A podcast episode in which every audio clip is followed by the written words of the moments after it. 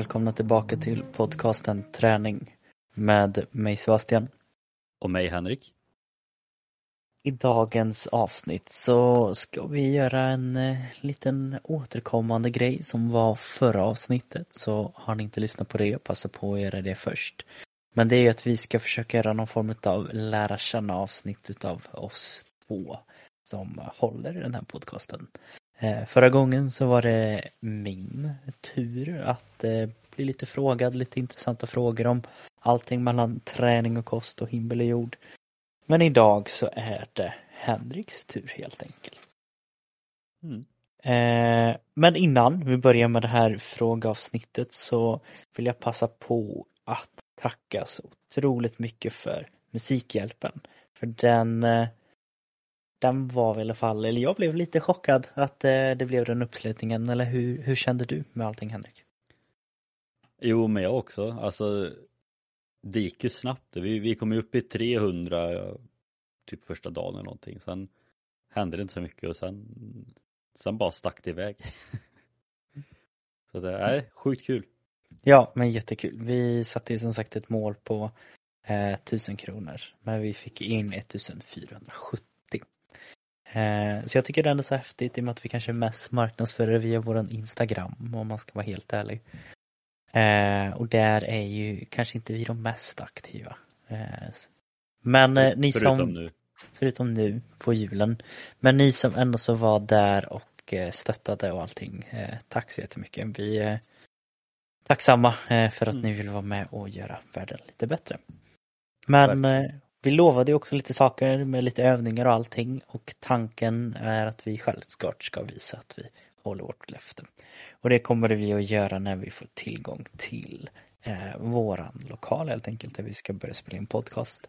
Då ska vi ta med oss en kamera eller telefon och eh, egentligen visa att även vi kan klara av och träna lite. Förhoppningsvis. Förhoppningsvis. Ja, men eh, så ser det ut. Jag tänker vi behöver inte vänta så mycket mer på detta utan det är väl egentligen bara att försöka att köra igång eh, med lite frågor till dig. Mm. Ja det är ju, det är ju du, din tur att fråga så det är bara att köra på. Jajamän, vad kul. Eh, men då så, då börjar jag egentligen med fråga ett. Eh, och jag har försökt att, i alla fall första frågan lite i ditt tidigare skede i livet. Eh, någonting som vi har pratat lite om innan men jag tycker det är intressant att höra just hur du tänker kring detta. Eh, fråga nummer ett lyder eh, Hur introducerades du till träning eller kanske då slash fotboll? Eh, men det som menar kanske lite mer att hur var det något tryck hemifrån? Hur var det kompisar? Vad var det som gjorde liksom att du ville börja träna? Och eh, var det en ja, kanske lite mer så var det, var det en hälsosam syn på träning och hälsa som fick dig att vilja börja? Eh, alltså för mig var det ju kort och gott som jag tror det är för de flesta som är lite utifrån landet att, att jag började spela fotboll var ju först och främst att det fanns inte så mycket annat att göra. Eh, där jag är ifrån, det var ju man gick i skolan på dagen, man spelade fotboll på kvällen. Alltså, det var ju sånt det som fanns att göra eh, i en liten by där utanför Skövde.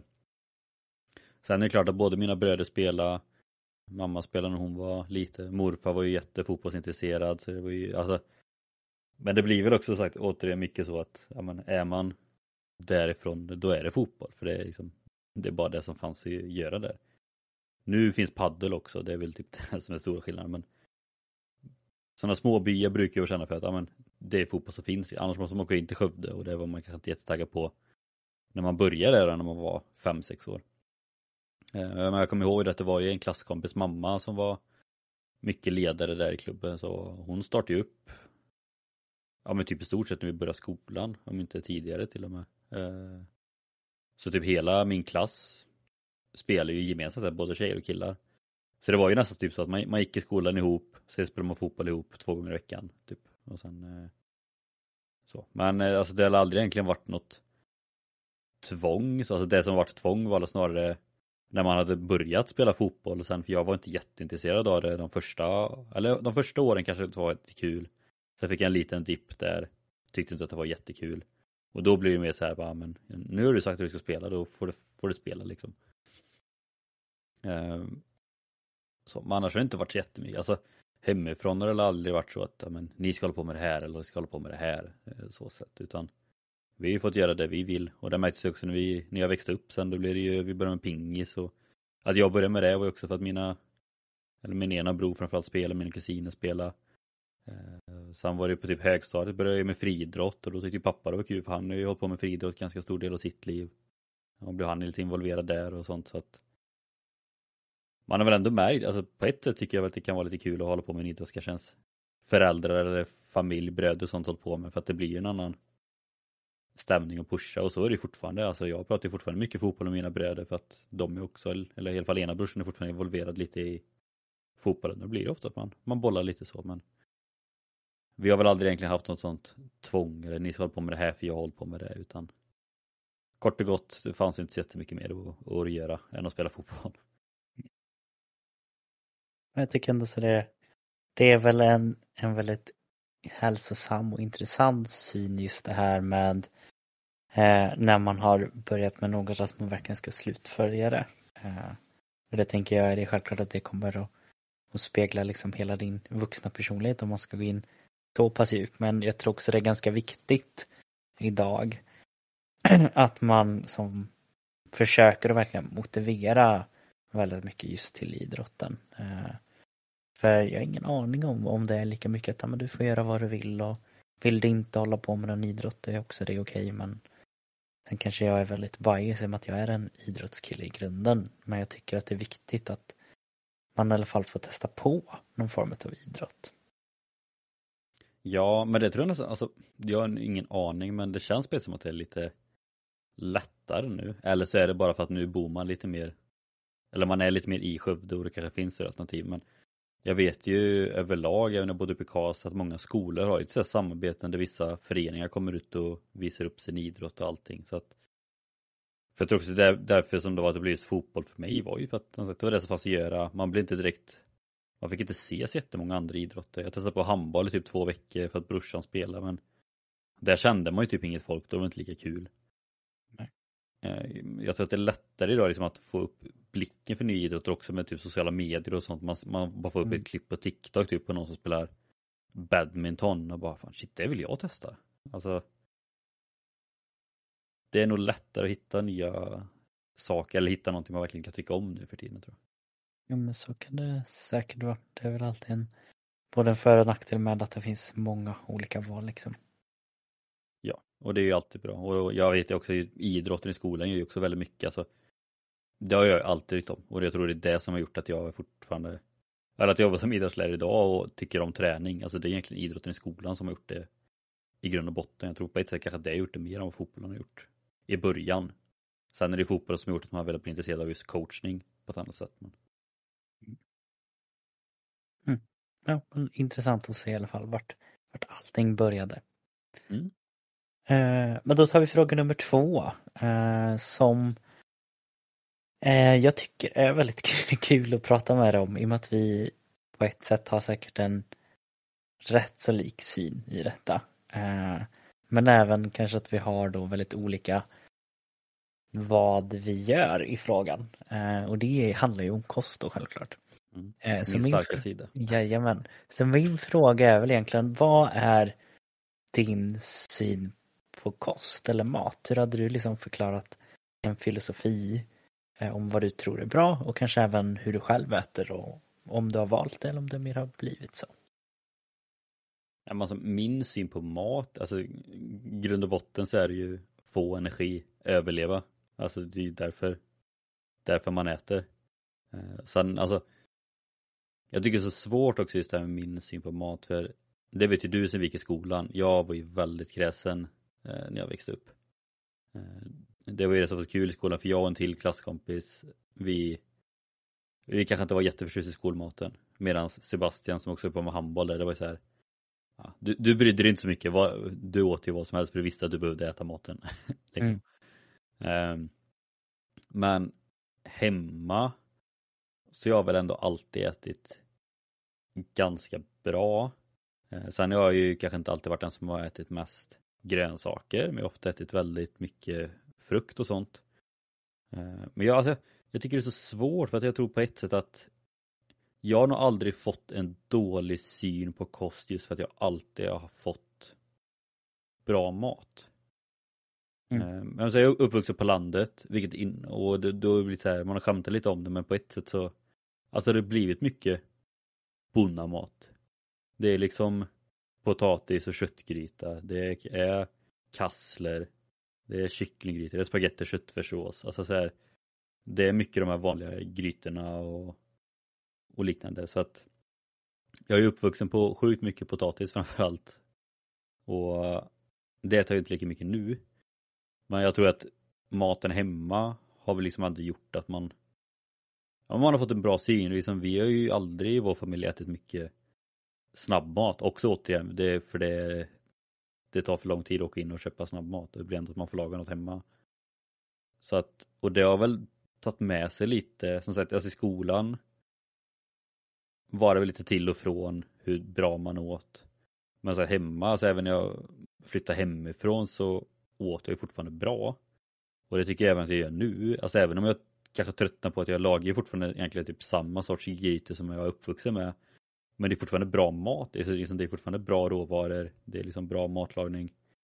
Eh, och även idag, liksom, nu har jag bott själv i, vad blir det, fem år? Lite drygt. Fem och ett halvt. Men jag har fortfarande, alltså även fast jag tänker jätteofta på att pizza hade varit gött nu, pizza hade varit gött, det ska jag köpa imorgon eller nästa vecka. Så jag har fortfarande inte det så mycket, alltså jag kommer nog alltid ändå, det är klart pizza är gött ibland, men jag kommer ändå alltid föredra spagetti och köttfärssås eller bra carbonara eller en kycklinggryta liksom. Eh, så att, ja, jag, jag, jag tycker det är en så svår fråga för att jag är väl inte den som egentligen bryr mig jättemycket om kosten och mat på det sättet mer än att känner jag att jag har energi och jag mår bra och jag är frisk så fortsätter jag. Och så har det ju varit typ hela mitt liv. Jag har ju typ all, nästan aldrig varit liksom så här sjuk som många har varit på andra sätt.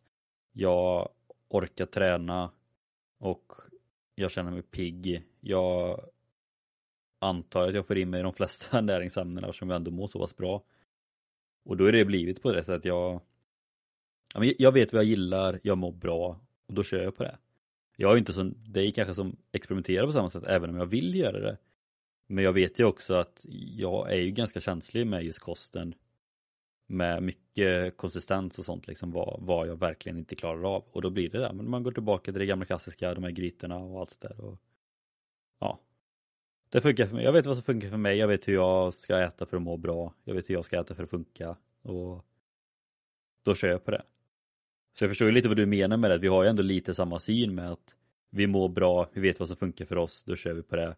Den stora skillnaden är dock bara att du, du utvecklar lite mer, experimenterar lite mer. Men jag kör ju på mina, jag kör på typ nästan samma recept som jag åt när jag var åtta liksom, som jag gör nu. Så det, det är det gamla, gamla klassiska, funkar bäst.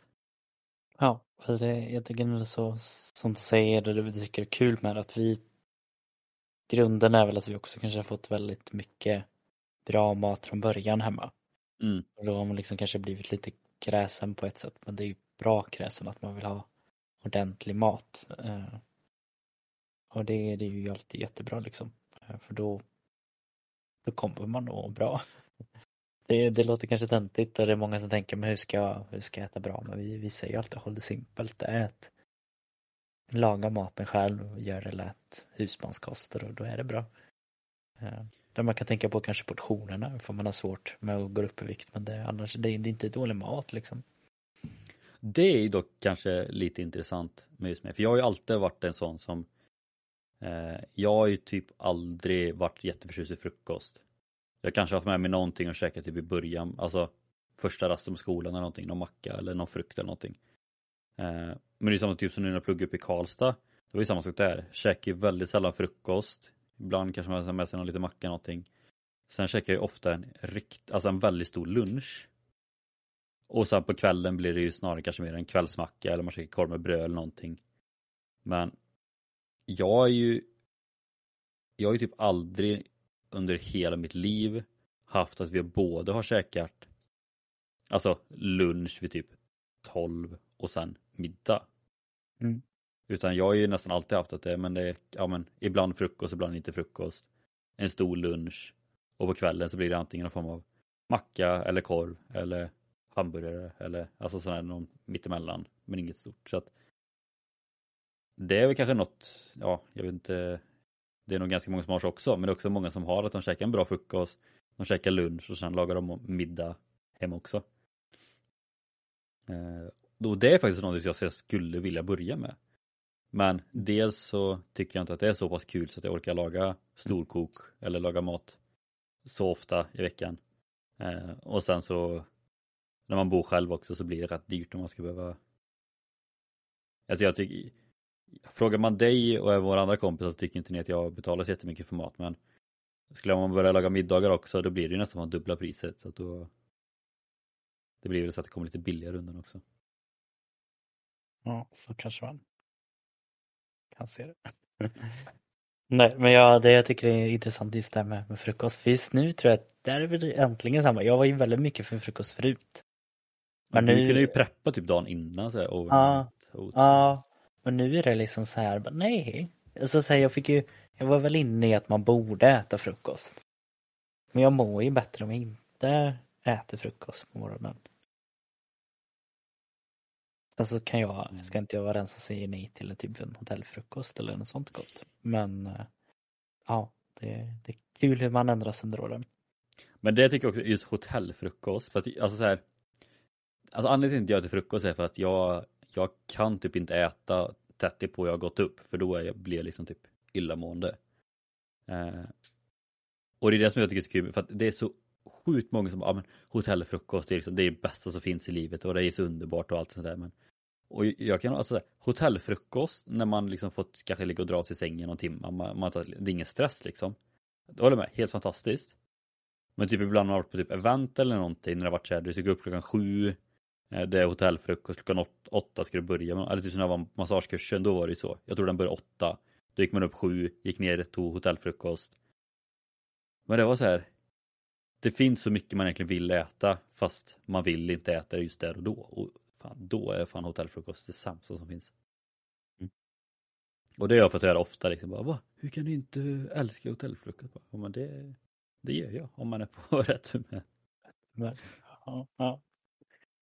Kul ändå, kost. Eh, någonting som vi har börjat att prata mer om, vilket jag tycker är roligt, att vi får in det allt mer och mer.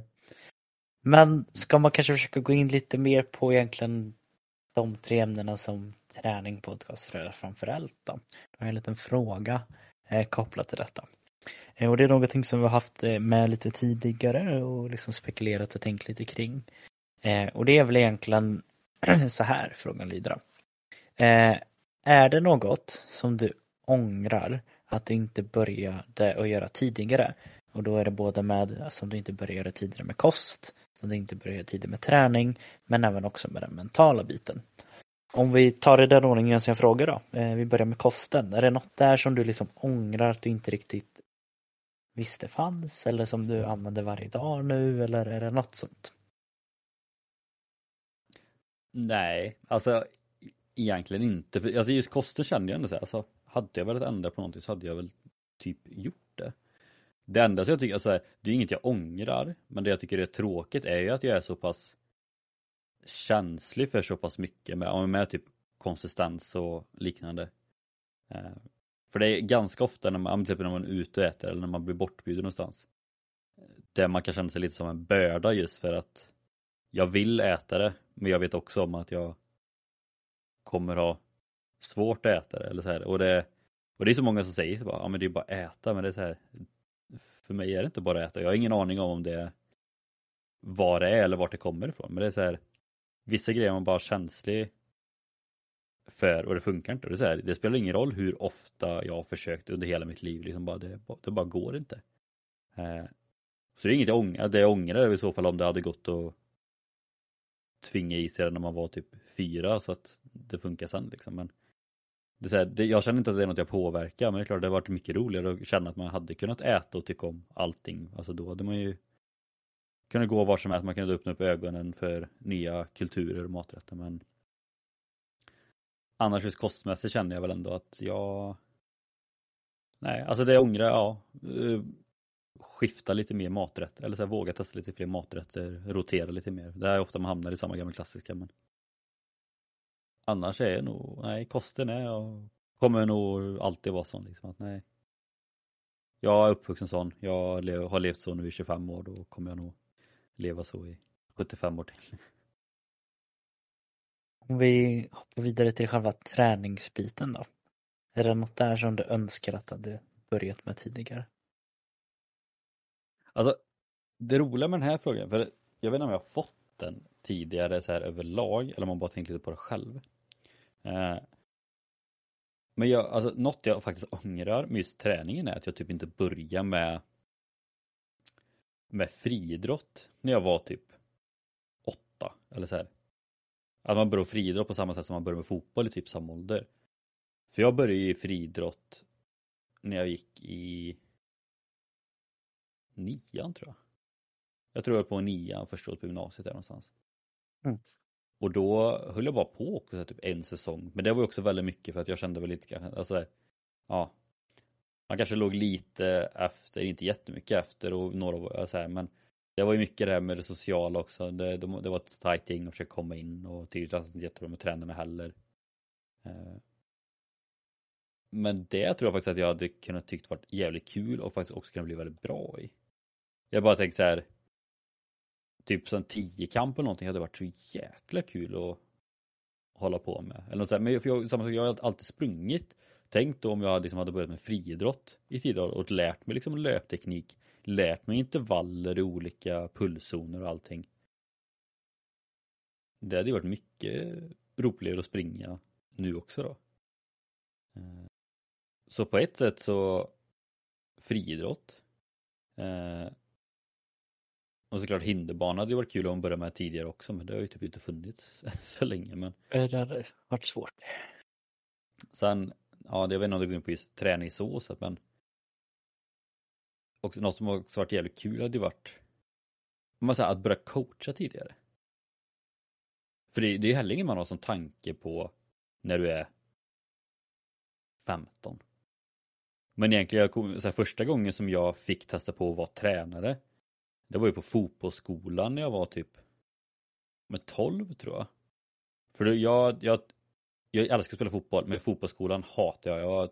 Jag tyckte det var så jävla tråkigt. Men då ringde min tränare mig, kommer jag ihåg, och sa, bara, ja men du vill inte vara med som ledare eller någonting då?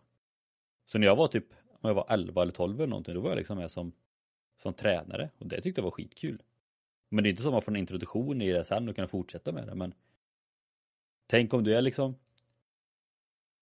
12 år och redan där får börja träna på att coacha eller träna om man skulle fått mer smak för det då. Då hade du, fan, då hade du ens kunnat varit i allsvenskan som 20-åring. Så att, eh, ja men det, det hade nog varit lite kul. Ja men det är väl intressant. Det är alltid, tycker jag, lite kul att tänka på. Typ så här rent kroppsmässigt. Vad hade jag egentligen varit optimal till att göra? Ja, Vi har pratat om det va? Men att det är något, är det Norge eller något land som liksom scoutar unga i sin idrott och säger nej, nej, nej, du ska inte hålla på med det här. Du är gjord för spjutkastning. Eller är det vi som har pratat om det i podden? jag tror vi har nämnt det någon gång. Mm. Det hade ju jag tyckt var kul om någon hade gjort det på mig och bara nej, nej, nej, nej. Handboll är ingenting för dig utan den här boll är din, är din sport liksom. Ja. Ja, men jag håller med, jag hade också tyckt det hade varit så jäkla kul. Men också bara tänk att få höra från någon liksom bara att du, om, om, med din kropp och dina muskelfibertyper och allt sådär. Du hade kunnat bli bra i den här sporten. Men det är nog också bara för att du och jag tycker det är så kul med alltså sport och träning överlag. Mm. Alltså både du och jag hade kunnat börja typ nu med vilken sport som helst och bara tyckt det varit kul. Men tänk också då få höra att man kan bli, bli väldigt bra i den också. Mm. Sen vet man ju också att skulle det vara något sånt, alltså det hade blivit ett jävla ramaskri här i Sverige. Men, eh, nej, men jag håller med, för det, var, för jag, det har man ju funderat på själv som du säger, så här, men, vad, vad hade man då kunnat bli bra i? Eh, Mm. Och jag tänker på ett sätt, här, någon form av tiokamp kanske man hade kunnat bli ganska bra, eller med, medeldistanslöpning. För man har ändå så här, ja, man har inte den mest uthålliga, men du har inte heller den mest snabba, explosiva man, man är lite lagom. Så här. Eller så säger de bara Ja men du blir jättebra division 6 fotbollsspelare. Man bara okej. Okay. Ja det hade varit jättekul. Du kommer dominera i division 6. Ja, tack. Men då får man alla fall dominera. Det är alltid något. Eller bara Nej du får nog sadla om till att bli tränare här nu när man är åtta bast liksom. Mm. Men eh, det är ju lite ihop med den sista punkten, det här mentala liksom. Är, är det något där som du, du lärt dig väldigt mycket nu, eh, det sista just med mentalt och allting sånt. Är det något där som du önskar att du hade liksom börjat eller att någon, det hade väl varit kanske någon vuxen hade sagt till dig, tänk så här eller ta hjälp av det här. Ja men alltså egentligen allt inom mental träning eller psykologi överlag. Men dels det här med att våga misslyckas. Det tycker jag man ska börja lyfta redan när de är barn liksom. Det är som om, jag, jag har uppskrivit som citat av någon liksom att Ja men ta barn som bebisar som exempel.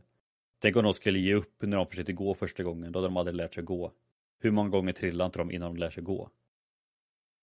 Och hur ofta pushar inte vi dem att de ska fortsätta testa gå innan de lär sig gå? Alltså tänk om vi bara får det som mindset redan från start, liksom, att men våga misslyckas för annars kommer du aldrig kunna lyckas.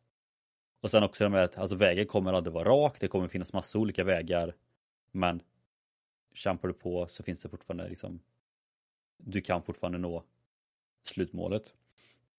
Eh, men sen liksom någonting som jag sa kom väldigt sent för mig var ju egentligen för på universitetet så sa de först, redan första dagen liksom när de beskrev de här tre åren att år ett är nästan bara gjort för, alltså för just idrottsvetenskap där liksom. År ett är bara gjort egentligen för att ja, men, lära känna sig själv, hitta sig själv. Och där och då var man lite såhär, ja ah, ja men det låter ju lite flummigt lite så. Men alltså det första året på universitetet, dels för att det var nytt, man flyttade till ny stad och allting, men liksom de kurserna vi läste Alltså det hade man lärt, lärt sig lika mycket om sig själv och en förståelse om sig själv på samma sätt som jag fick då. Säg att man hade fått det i, på högstadiet eller framförallt gymnasiet. För det är samma sak nu när jag jobbar på gymnasiet som lärare. Man ser ju det, alltså det är så sjukt få där som är trygga i sig själv eller känner sig själv eller ens egentligen skulle kunna alltså beskriva vem de är. Så jag liksom, det tycker jag ju verkligen är någonting man, så här, och det är också så här så flummigt på ett sätt just det här att hitta sig själv och lära känna sig själv. Men uppenbarligen går det ju och kan man bara jobba med samma saker i yngre åldrar så tror jag också man kommer minska väldigt mycket strul som finns i samhället idag i de åldrarna. Både i skolan men även utanför. Och det har man ju heller inget bra tips på just nu. Det kanske man också skulle kunna ta ett eller ett par avsnitt om just hur man lär känna sig själv. Liksom. Men, men jag tror framförallt de två, liksom, att våga misslyckas och lära känna dig själv. Alltså om man skulle kunna få med sig det tidigare då hade nog egentligen hela tonåren och uppväxten varit mycket roligare. Mm. Men det mentala är intressant. Men det får väl hoppas att eh, dagens ungdomar kan få med sig lite mer där det börjar lyftas lite mer, tänker jag, lite tidigare. Och de är så medvetna nu på ett helt annat sätt än vad vi var. Eh, med, med mentalt och sådana grejer känns det som. Ja, men det är så svårt också. Vet, vi, har, vi diskuterar både på universitetet och jag tror vi har diskuterat i skolan. Jag vet inte om vi har pratat om det också. Jag tror vi har gjort någon Q&A eller något sånt där. Men, ja, men det här med när ska man börja med typ mental träning, idrottspsykologi eller så här. Hur tidigt är barn medvetna eller blir det bara någon form av manipulation eh, och liknande. Men det är, så här, det är ju samma sak det är som en vanlig träning. Det går att göra på så många olika sätt. Man får bara börja lugnt så att det blir lättare att stegra för dem sen. Istället för att det ska bli en jävla käftsmäll för alla när de blir 18-20 där och man hör det för första gången på riktigt. Då är det bättre om man har stegrat det lite så man kan förstå, aha, men det här gjorde vi ändå lite. Så det, ja, det är svårt men jag tycker ändå att det är någonting som regeringen bör lösa. Ja, läs det bara. Eh, nästa fråga. Någonting som är lite mer aktuellt och någonting som jag alltid lite nyfiken på hur det går så jag tänker jag passa på lika gärna och bara fråga ut det här i podden. Det är ju hur det går med OCR-resan. Vad gör du? Vad är det senaste du gjort? Vad är dina planer framåt? Oj, ja, om, om man visste det själv. uh, Nej men alltså det går väl helt helt okej. Okay. Uh, nu fick jag ju, alltså tanken var att nästa år skulle först bli egentligen en liten bara tävla så mycket som möjligt, skit i resultat. Men det var också bara för att de stora tävlingarna man har lite så här, men det hade varit jävligt kul, ja men EM som jag pratar om hela tiden. Jag skulle gå i Georgien nästa år och då var det lite så här, så bara, ja, det, nej. Jag har varit i något år till. Och jag ligger ju ganska långt efter så sett men Sen blir det flytta på grund av lite eh, politik och krig och allt sånt där så att nu ska det vara Italien nästa år. Och då blir jag ju så här, hade det varit något, vilket annat land som helst, då hade jag ändå varit så här, bara, men nej, det är inte, det är inte så noga, jag kan ta det om två år liksom. Ehm, men jag har nämnt innan, jag tror du vet om det också, alltså EM i Italien var ju mitt allra första mål. När jag började med hinderbana. Det var ju det som var liksom 2020 tror jag det var. Jo men det var 2020. Och jag hade ju ett kvallopp in, inbokat och det var en tävling. Skulle jag komma topp två av topp tre, topp två av tre personer där så skulle jag kvala in i min åldersgrupp där liksom. Och när allt ställdes in så då har det varit så här, då är ju mer, ja men EM, det har varit så här, ja men ja, det kan vara, kan vara kul någon gång i framtiden men om det är när jag är 26 eller 30 eller om det är när jag är 55, det är inte så jäkla noga. Men nu när det blir Italien så blev man ju så bara, så det Ja, det har ju varit kul ändå. Men eh... Så att jag, nu har jag fått en liten boost igen på, men fan nu måste man ändå lägga upp eh, någon plan. Och nu det senaste har faktiskt träningen gått helt okej. Okay. Det är ju så att det är lite fördel man kan träna lite på jobbet och så. Eh, och jag fick ju en jäkla boost efter eh, Obstacle Run i Lidköping eh, i början av september var det väl. Och det kan jag rekommendera alla, alltså, oavsett om ni har, har kört något lopp innan eller aldrig någonsin hållit på med hinderbanelöpning. Googla på Obstacle Run Lidköping av eh, Kroppslabbet. Alltså det är, det är nog bland det roligaste jag någonsin gjort i hela mitt liv. Just för att det var roliga hinder, men det var en folkfest. Alltså hela Lidköping, eller det känns som halva Skaraborg var där liksom. Och man kunde springa och folk hejade på en, vissa cyklar bredvid och det var en gammal tant på kanske 70 år, kom på en cykel så här, efter jag hade klarat det svåraste hindret. Liksom, bara, ja, är du lite orolig för hindret där framme då liksom? Och då var det hinder man skulle springa över vattnet på några grejer som låg och flöt. Och runt det hindret så var det, liksom, det var en bro full med folk på ena sidan och, var, och sen var det ett räcke på andra sidan fullt med folk. Alltså det kan nog ha varit typ 2000 personer som bara stod och kollade på det hindret. Uh, så efter det har man också blivit bara fan, är jävligt kul alltså. Så att eh, Så just nu är det ju liksom lite försäsong. Eh, tanken är att försöka bara få så mycket träningstimmar som möjligt nu eh, i vinter och vår. Eh, och sen så nästa år är tanken egentligen bara försöka tävla så mycket som möjligt. Alltså helst nästan få in en tävling varje varje månad under tävlingssäsong. Eh, så jag ville kanske komma upp på åtminstone sex lopp eller någonting nästa år. Mest för erfarenhetens skull. Sen tror inte jag att jag kommer lyckas kvala in till eh, EM nästa år just för att mina, mina tider är alldeles för dåliga för tillfället. Eh, jag är dock rankad ser jag här nu som eh, nummer 11 i min åldersgrupp. Det är alltid något. Eh, nej men så jag tror nästa år blir verkligen bara mycket springa så många tävlingar som möjligt och framförallt lägga upp träningen så att jag får ner min eh, min eh, tid. Jag kommer nog behöva komma ner på runt 40-42 minuter, i alla fall under 45 på milen. Eh, om jag verkligen vill vara med och försöka kvala in. Eh, så det är nog mycket det sagt. Alltså tävla för att få mycket erfarenhet och också testa liksom, vad finns det för hinder och liknande. Eh, men framförallt lägga mycket fokus på löpningen för det är ju det som är det jobbiga just nu, det jag verkligen ligger långt efter. Men annars, jag har ju börjat klättra nu för att få lite träning där. Så det är också en del i satsningen kan man säga.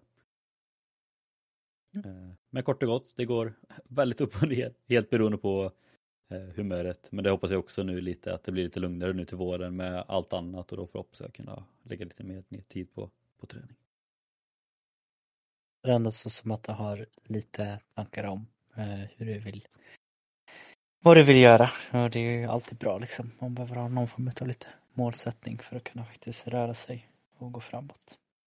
Jo, nej men alltså jag kommer ju alltid ha som målsättning, så länge jag kommer hålla på med det här kommer jag alltid ha som målsättning att det vore ju kul att lyckas kvala in i åldersgrupp till något mästerskap någon gång liksom. Eh, och i år så har jag även tänkt kanske att eh, anmäla mig till, eh, till SM också bara för att se liksom så här liksom lite, men hur långt efter är man egentligen? Eh, och vad liksom, hur, hur ser ett mästerskap ut här liksom? Så att det, det blir väl också nästa steg som jag ska ta i år då, liksom att amen, anmäla mig till SM eller riksmästerskapet som det heter. Eh, bara för att se och lära lite. Men man kommer alltid ha som morot de här stora mästerskapen utomlands. Eh, och det är så, man, man vill alltid ha ett mål som är svårt att nå och som sagt, når jag det inte, nej då är det lite skitsamma. Men som sagt, jag kanske lyckas när jag är 55 och då, ja, då är det uppnått då och då. Jag tycker fortfarande att det är alltså, galet kul. Jag tycker bara så fortfarande att det är tråkigt att det inte finns något bra ställe här i Skövde att träna på så sätt. Men fortfarande ni som lyssnar och inte har testat, alltså oavsett ålder, oavsett kön, oavsett om ni vill tävla eller bara få en rolig träningsdel. Alltså hinderbana jag kommer nog alltid säga att det är nog, kommer alltid vara bland det roligaste som finns. Men det är kul ändå att man har den synen och att du som sagt ser dig och kan göra det här hela livet ut liksom. Ja, ja men det är som viktigt att, att vara med och tävla i detta. Ja men alltså det är klart, det finns samma sak. Alltså jag har ju varit brunnit för fotboll länge också. Men det är också så här Ja, det är kul, men det är också så här. Jag mår ju inte i, alltså så här, ja, det finns andra träningssätt som också är roliga liksom. Men hinderbanelöpning är verkligen, alltså varje gång jag kör en hinderbana så Även om man mår piss så när man kör det ibland så Ja men jag vet inte, det är bara kul och när man kommer in i mål, man är bara glad och gemenskapen och alla, och alla är bara glada och trevliga och ja. Nej, det är kul. Härligt att höra. Vi... Du ska ju vara med i ett lopp också. Ja, ja, någon gång. Någon gång. Nu är du 55 gång. också. Någon gång. Ja, när, du, när du vinner ett mästerskap, då lovar jag. Jag är faktiskt Har jag varit med? Mästerskap. Ja, det är sant. Men det, det är kul att höra om lite om framtiden och det det vad min, eh, kan man säga, sista fråga handlar lite om också. Eh, och det här rör vi oss kanske lite mer att jag vill in i Uh, the mind of, uh, vad ska man säga, forskar-Henrik kan jag kalla det. Oh, eller magister eller vad man ska göra. Master. Master. Ja. Master, master. Uh, men det är väl, har du något ämne eller någonting som du tycker låter intressant för framtidens hälsa? Jag tänker vi kan börja med någonting som du faktiskt, alltså på riktigt är genuint lite orolig över hur det här kan påverka folkhälsan. Eh, så ett ämne jag tror kanske kommer komma fram som kan inte förstöra men Nej men som ja. det är bra antingen att vi gör något för det, det behövs göra något nu eller något som du tror att oj varför har vi inte börjat att forska mer om det här? Det här tror jag kan vara väldigt viktigt för eh, världen eller Sverige, hur långt du vill ta det. Att vi börjar och få lite mer förståelse över.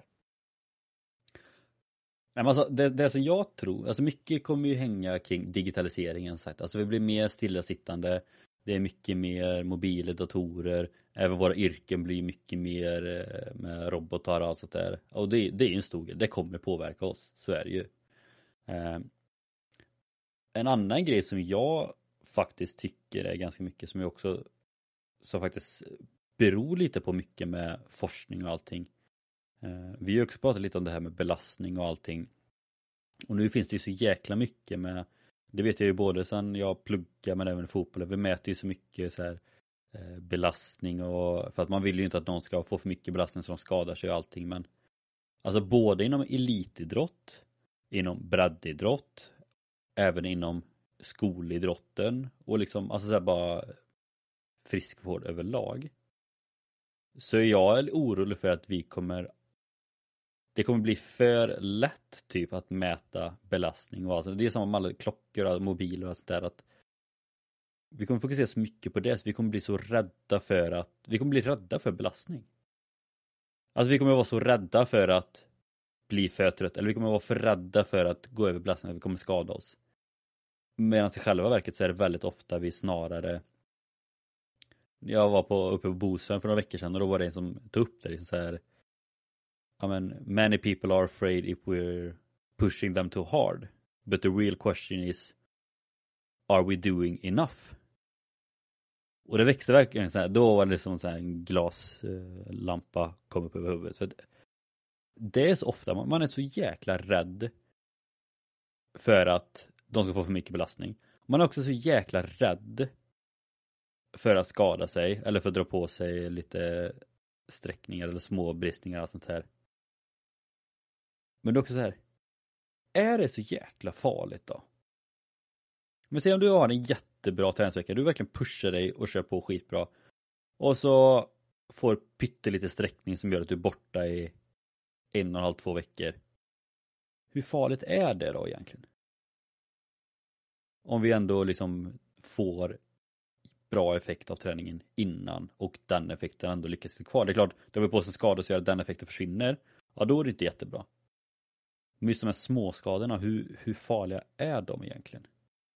Eh, det är något sånt som jag skulle ändå vilja som jag tyckte var kul att undersöka. Ja, men så här, hur kan man pusha på hårdare och kanske dra på sig lite småskador men det kanske är bättre.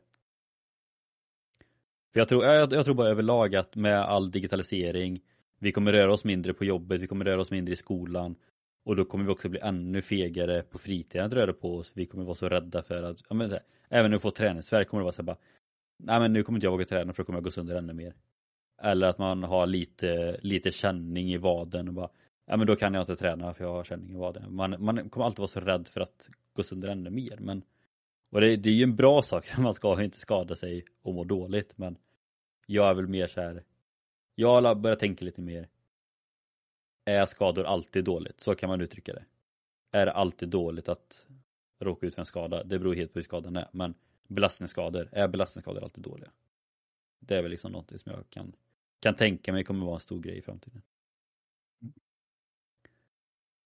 Ja, intressant. Jag bara får upp den, jag tror vi också nämnt den här bilden väldigt många gånger och det är de här människorna i Wally, de som har sett. Ja. Äh, så här, rädda för att belasta kroppen och så blir det fel på det sättet. Ja men verkligen. Så det...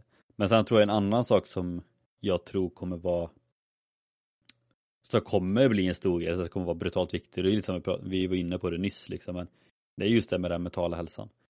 Vi har kommit så pass, vi har kommit så pass långt nu med att det är okej att prata om det, det är okej att vara stressad, det är okej att ha depression, det är okej att ha ångest. Så jag tror att det kommer, det kommer verkligen komma in en period där det kommer finnas mycket mer forskning kring det. Vad ska man göra? Hur ska man hantera det? Eh, kan man upptäcka det tidigare stadier? Eh, samma sak där. Är det alltid så dåligt att vara det eller att ha det? Eller, alltså de flesta har ju sådana perioder någon gång. Och det kanske också blir i slutändan att det kommer, ja men det kanske kommer ingå i eh, skolan sen liksom. Ja men hur hanterar man en depression? Mm. Och hur tänker man? Hur ska man göra? Så att det jag tror kommer vara en, en bra grej som jag tror kommer komma i framtiden. Att det kommer vara mer mer bakgrund och forskning kring eh, eh, psykisk ohälsa. Ja, då får vi verkligen hoppas. Men om vi tar det till något lite mer positivt då. Vad, vad tror du kommer i framtiden att kunna vara något som kan verkligen gynna, eh, gynna hälsan? Det jobbigaste här är ju att det är ju typ samma svar. Ja, eh, dig digitaliseringen. Ja, men vi har ju varit inne på det lite innan, just det här med VR och kombinera typ VR och löpband. Mm. Alltså, fatta hur många gamers du kommer få istället för att de ska sitta och gamea vid datan. Fatta hur många vältränade gamers man kommer få. Samma sak om du bara tänker med typ, alltså här, inom sjukvården finns det ju redan även simulatorer inom flyg och allt sånt där. Tänk att kunna få det inom varje yrke. Eh, att du kan få testa på saker samtidigt som men det kan ju bara vara en big arbetsplats och samtidigt som du ska bära en balk så läggs det automatiskt på vikt på ens axel, typ så man får den belastningen så man ändå får träningen samtidigt eller någonting. Eh, och det är egentligen samma sak med liksom mobil, klockor. Eh, det är som vi gör i fotbollen med så GPS-västar. Ehm, det kanske kommer, alltså I framtiden kanske man kommer kunna ta laktattest i sina mobiler liksom. Ehm, det är ju så, digitaliseringen kommer göra mycket hemskt för oss, det kommer förstöra vår hälsa väldigt mycket. Men det kommer ju samtidigt också hjälpa oss väldigt mycket. Det är bara att hoppas att det inte blir allt för dyrt allt sånt där. Ehm, men det är samma sak, den teknologin som finns nu som är dyr inom träning kommer troligtvis bli billigare i framtiden för att det kommer komma andra saker som är ännu dyrare. Så att ja, det är klassiskt här forskarsvar att eh, det som är dåligt för oss är också bra för oss. Ja, men det, det var väl kanske grundfrågorna jag hade då. Mm. Bra äh, frågor. Ja, jag hoppas det i alla fall. Lite intressant. Jag tänker jag vill i alla fall veta lite svar på de här då. Men eh, om vi gör en riktig, riktig, vad ska man kalla det? Throwback får man väl ändå så säga. Då tänkte jag idag ta tillbaka konceptet och jag hade till och med någon fin jingel som jag klippte upp någon gång.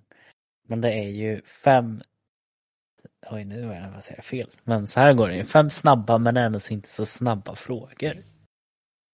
Eh, konceptet vi hade lite i början när vi hade lite gäster. Eh, jag tycker det kan vara väldigt lägligt att introducera det här igen till kanske de nya lyssnarna nu när vi förhoppningsvis vid årsskiftet kommer att få mer gäster igen.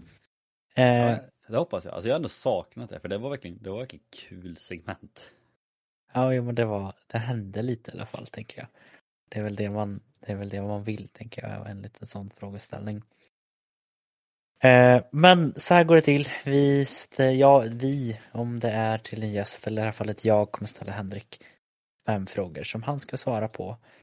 Kanske inte jättesnabbt men ändå så inte jättelångsamt. Och så får vi se helt enkelt vad han tycker om allt det här. Är du redo? Uh. Jag är redo. Bra, för fråga nummer ett är ju verkligen throwback till en av de första eh, sådana här vi hade. Och eh, vi ska se om det ändras någonting. Vad är tre saker som måste finnas i kylen? Oh, klassiker. Eh, mjölk, ost,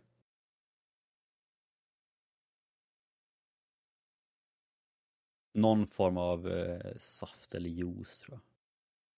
Inte den har ändrat så mycket.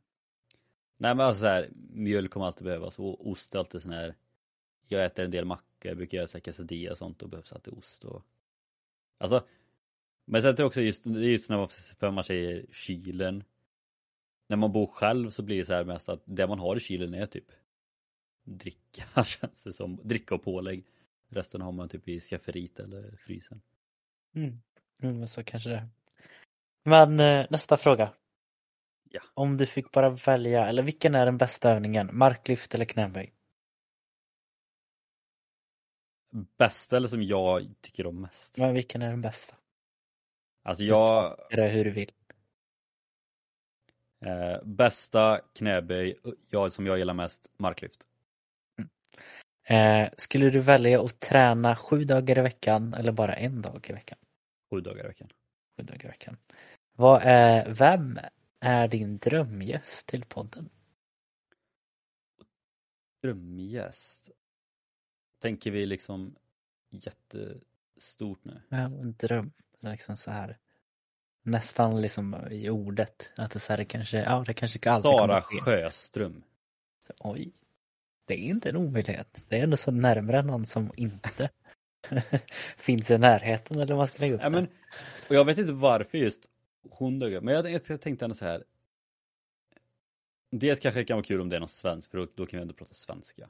Mm. Eh, sen tekniskt sett så kanske jag, min drömgäst kanske hellre snarare hade varit någon mer så här idrottspsykolog men jag kommer inte på någon bra mer än min lärare och han tror jag vi kan få ändå om vi skulle vilja ha han.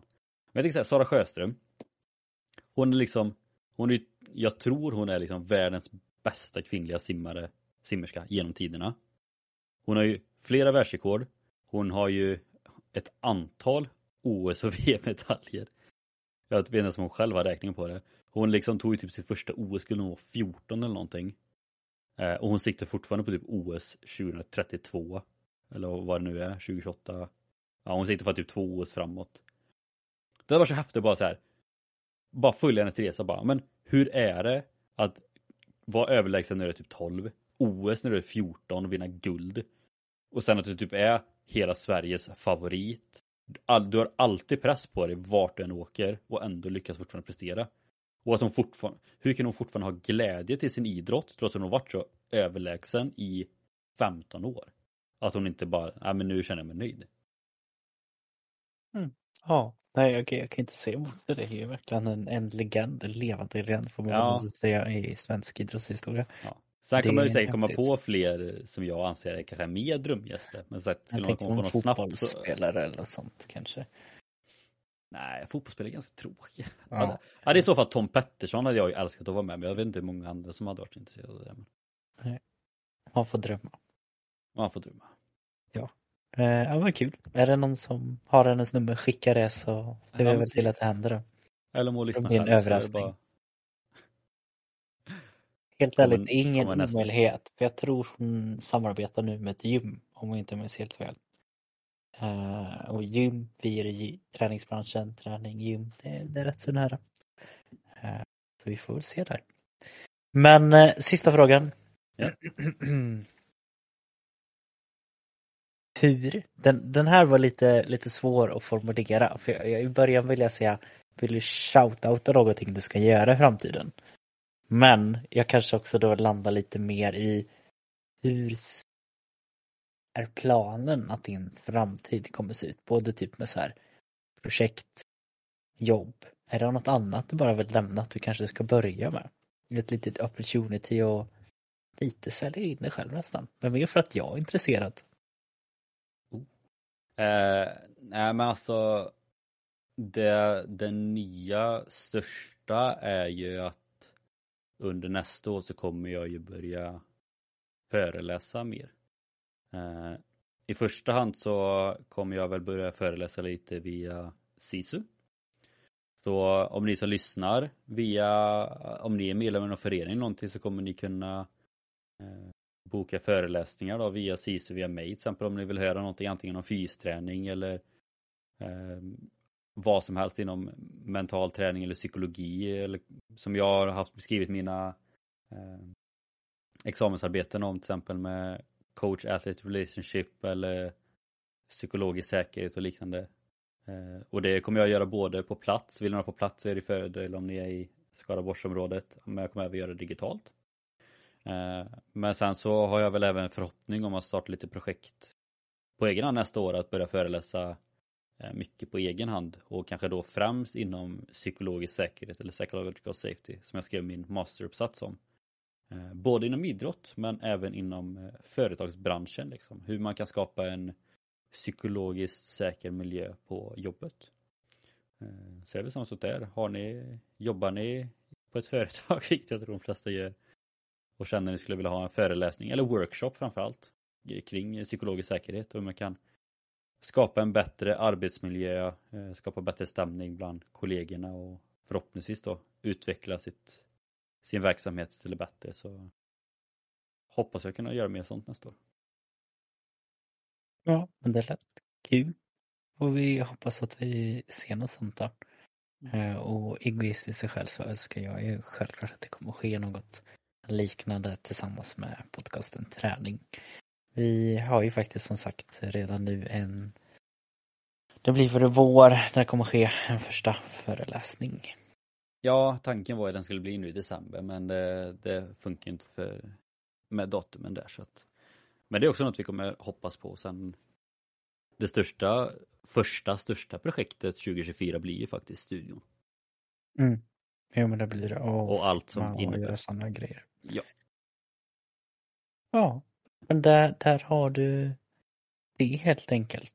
Eh, frågorna för idag. Fan, det här, alltså egentligen Fem supersnabba män så snabba frågor Det är nästan ett segment vi borde bara köra på varandra, alltså inte varje vecka men så att, Nu var det ett tag sedan, nu kör vi Mm. Släng in lite.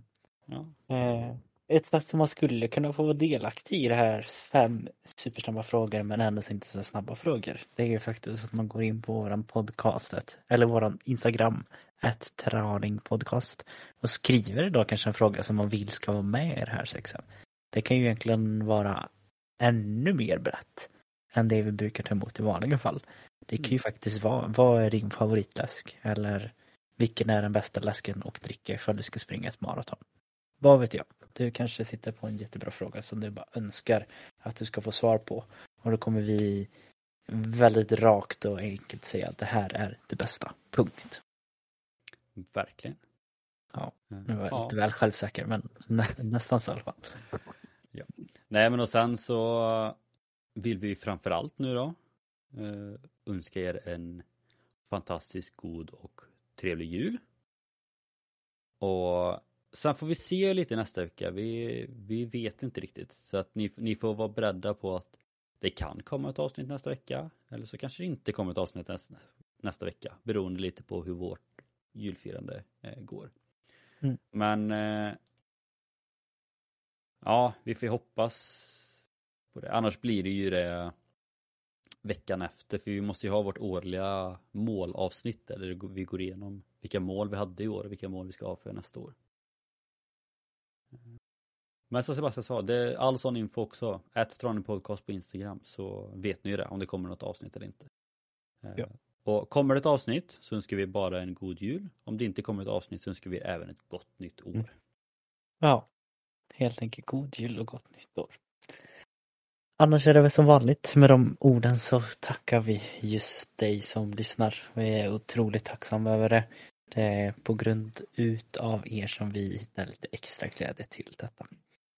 Eh, annars så hörs vi nästa vecka helt enkelt. Det gör vi. Ha det gott.